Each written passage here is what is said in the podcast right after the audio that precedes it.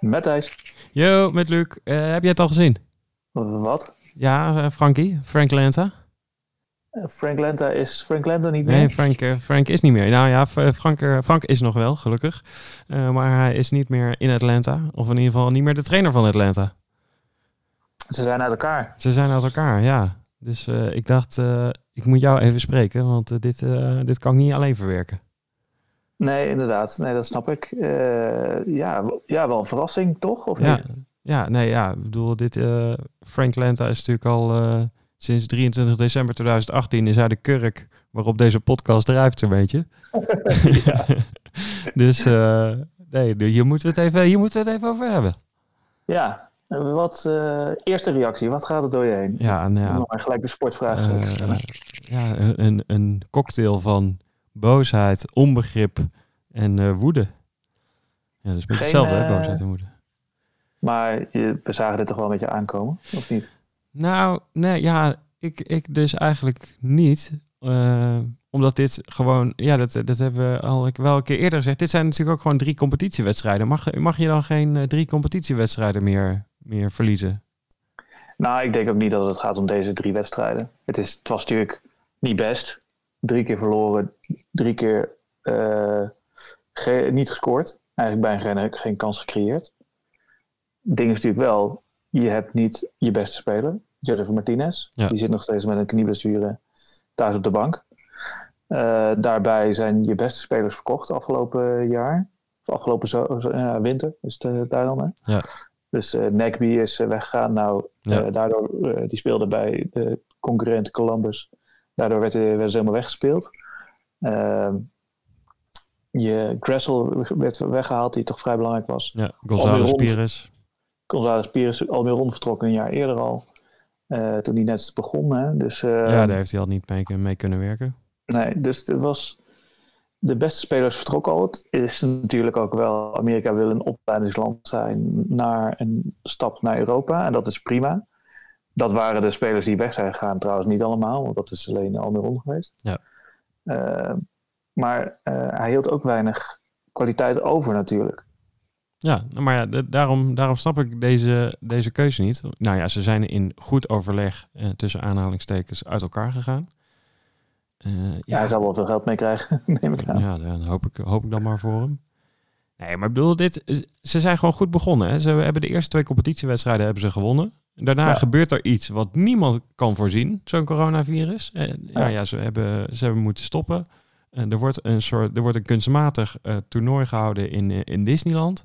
Waar ze dan maar weer in één keer eh, alles moeten optuigen. Ook, ook die teams moeten dan maar in één keer fit zijn en eh, op elkaar ingespeeld zijn. Ja, dan, en dan verliest hij drie keer achter elkaar.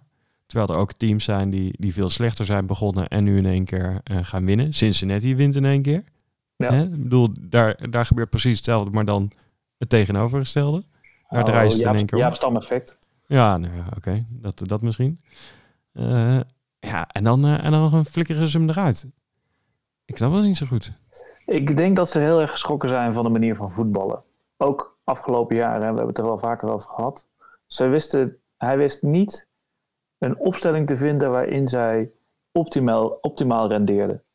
Dan koos hij weer voor een soort 5-3-2 opstelling. Dan koos hij weer voor een 3-4-3 opstelling. Eh, er werd verwacht na het kampioenschap met Tata Martino, waarbij er eh, veel vooruit werd gevoetbald. Eh, op een slimme manier, want ze lieten de tegenstander komen en dan kwamen ze er echt als de bliksem kwamen ze eruit en dan liep ze overal tussendoor met Almiron en Martinez en Gressel ook, die veel meters aflegden natuurlijk. Ze haalden juist de boer voor mooi voetbal ook. Ehm, en dat hebben ze niet gekregen. En ik denk dat ze eh, hadden gehoopt dat ze dat misschien tijdens dit toernooi nog ja, wel zouden zien. Maar dat het zo tegenviel dat ze vanuit daar misschien hun conclusies hebben getrokken. Ja, maar dit is toch geen... Kijk, eh, dit, zo'n toernooi lijkt heel erg op een EK of een WK, waarin het eh, op dat moment moet gebeuren. Maar dat, dat is dit toernooi natuurlijk niet. Dit is een, eh, een gefabriceerd toernooi wat, er wat erin is gefietst, omdat er verder geen, geen wedstrijden worden gespeeld. Eh, ze hebben dan gezegd van oké, die groepswedstrijden, dat zijn eigenlijk dan gewoon competitiewedstrijden. Waarom, waarom verbinden ze dan aan dit toernooi in één keer conclusies? Laat die, laat die man gewoon zitten. Laat hem een, een seizoen afmaken. Of laat hem in ieder geval een half seizoen afmaken. Er zijn dus nu vijf wedstrijden gespeeld in, een, in de competitie. En dan ontsla je alweer iemand. Eens. Nee, ja, dat is natuurlijk een hele rare uh, redenering, inderdaad. Uh, ik denk wel dat ze. Uh, het is nu juli. Ik denk, dat, ik denk dat ze dit seizoen nog even wilden aankijken. En dat ze dachten van oké, dan nemen we daarna weer een andere trainer. Want dit is toch niet de manier waarop wij willen, gaan, willen voetballen. ik weet eigenlijk niet uit mijn hoofd. Had hij, tot wanneer had hij een contract? Volgens mij uh, hierna nog een jaar, zeg maar. Nou, dat wel. Oké. dacht, ja, dacht, ik. Dus dat die, uh, maar dat ze dan dachten, nou, daarna willen we weer een nieuw, nieuwe trainer. En nu hebben ze een half jaar de tijd om dat uit te gaan zoeken of zo. Uh, en ehm, ja, dachten ze van, nou ja, dan hebben wij geen zin in iemand die dan nog invloed heeft op die ploeg. En die, als, we, als we diegene toch al weg gaan sturen na dit seizoen. Dus ja, misschien uh, was, dat dan, was dit dan het moment van oké, op een dieptepunt laten we hem dan ook maar uh, terug naar Nederland sturen. Ja. Ja, jij zei het al even van uh, hij, hij komt dan na Tata Martino. Daar is hij ook alleen maar is het daarmee vergeleken, zijn, zijn trainerschap, zijn, het voetbal wat er gespeeld werd. Mm nou, op zich was hij natuurlijk ook heel dicht bij die MLS Cup. Als, uh, als in die uh, conference final, als uh, Joseph Martinez een penalty binnenschiet, staan ze 2-0 voor tegen Toronto en is er ja. geen veldje aan de lucht. en, Eens. Ja. en hij heeft gewoon twee prijzen gepakt, hè? dus ja. laten we dat ook niet vergeten. De Open hij, Cup en de Kampioens Cup. Hij wint precies gewoon de, de beker, laten we zeggen. Klinkt en allebei wel een beetje als de Crocky Cup natuurlijk, maar... Het, is niet, ja, het, is nou niet, het zijn niet de, de, de, prijzen waar het echt op gaat. Nou, wat vind je de... Ja. Nee. Vind je dat niet? De, de okay. Lamar Hunt US Open Cup? Ja, precies. Ja, vind ik dat vrij briljant te Klinkt, klinkt maar... toch een, is toch een beetje de equivalent van de Get, Gatorade Cup. ja, inderdaad. Ik vind meer als een golfprijs klinken, maar dat is misschien... Uh, ja, goed jasje uh, erbij. Ja, um, maar en de kampioenscup was gewoon een knappe overwinning. Hè? Want dat was uh, op de kampioen van Mexico. Ja. Competitie waarin ze in de Champions League voor uh, Midden- en uh, Noord-Amerika toch vaak van verliezen. De CONCACAF Champions League. Dus ehm, dat was best wel knap. Ehm, dus het, hij, qua track record heeft hij het dan ook weer niet zo gek gedaan. Hij nee, heeft gewoon nee, twee prijzen precies. opgehaald. Maar ze, ze wilden natuurlijk weer kampioen worden. En dat is er niet gelukt. Inderdaad, door het missen van een penalty en een, uh, en een foutje. En dan verlies je ineens van Toronto. Ja. Wat totaal niet, wat een, ja, wat helemaal geen goed seizoen had gehad. Maar zich door, dat, uh, door die playoffs had geknopt. Ja. Nou las ik wel uh, bij de, ik geloof de Atlanta Journal. Jij, jij hebt het vaak over dat hij bij Crystal Palace zelf op de training de vrije tappen in de kruising stond te ja. jagen. Dat, ja. dat, dat, hem dat, uh, dat hem dat weer is gebeurd. Dat, oh, dat, dat spelers hem weer een beetje, een beetje cocky, een beetje... Nou, hoe, hoe moet je het zeggen? Dat, dat, ze, dat, ze weer, dat ze weer aan hem zaten. De, dat, hij vond zichzelf eigenlijk de beste. Dat was ja. uiteindelijk, uh, ja. eigenlijk waar het op uiteindelijk. Ik vraag me ook af hoe die relatie is met die Zuid-Amerikaanse jongens. Die, Tata Martino had natuurlijk, is zelf een Argentijn. Ja. Had uh, overwicht overgewicht en overwicht over die jongens. Uh, was trainer geweest bij Barcelona, nou ja, et cetera, et cetera. Um, en volgens mij ook van het nationale elftal. Dus die had gewoon een grote status, ook bij al die Zuid-Amerikaanse jongens. Ik denk ja. dat het bij de boer toch wel op een hele andere manier lag. Je hoorde op een gegeven moment vorig jaar ook al dat die Piti Martinez uh, aan muiten was ja, uh, en met Barco is het ook nooit echt. Uh, zijn ze ook nooit, is hij ook nooit de beste vrienden geweest? Nee, precies. Dus ik denk dat dat wel echt een probleem is geweest. Dat die klik met dat team en de Zuid, vooral de Zuid-Amerikanen in dat team er nooit echt is geweest. Dan blijft hij toch wel echt een Noord-Hollander volgens mij. Ja. Uh, dat, hij daarbij, dat hij daarbij zelf de, alle vrije trappen staat te nemen op training. Ja, dat vind ik dan wel weer een mooi detail. Ja. Hij moet gewoon speler-coach worden. Dat is eigenlijk wat hij moet doen. Ja. Misschien is dat. Gewoon. Maar uh, het is wel. Uh, wie gaan ze dan als vervanging halen? Dat is een beetje de vraag. Um, ja, is er nog een trainer vrij.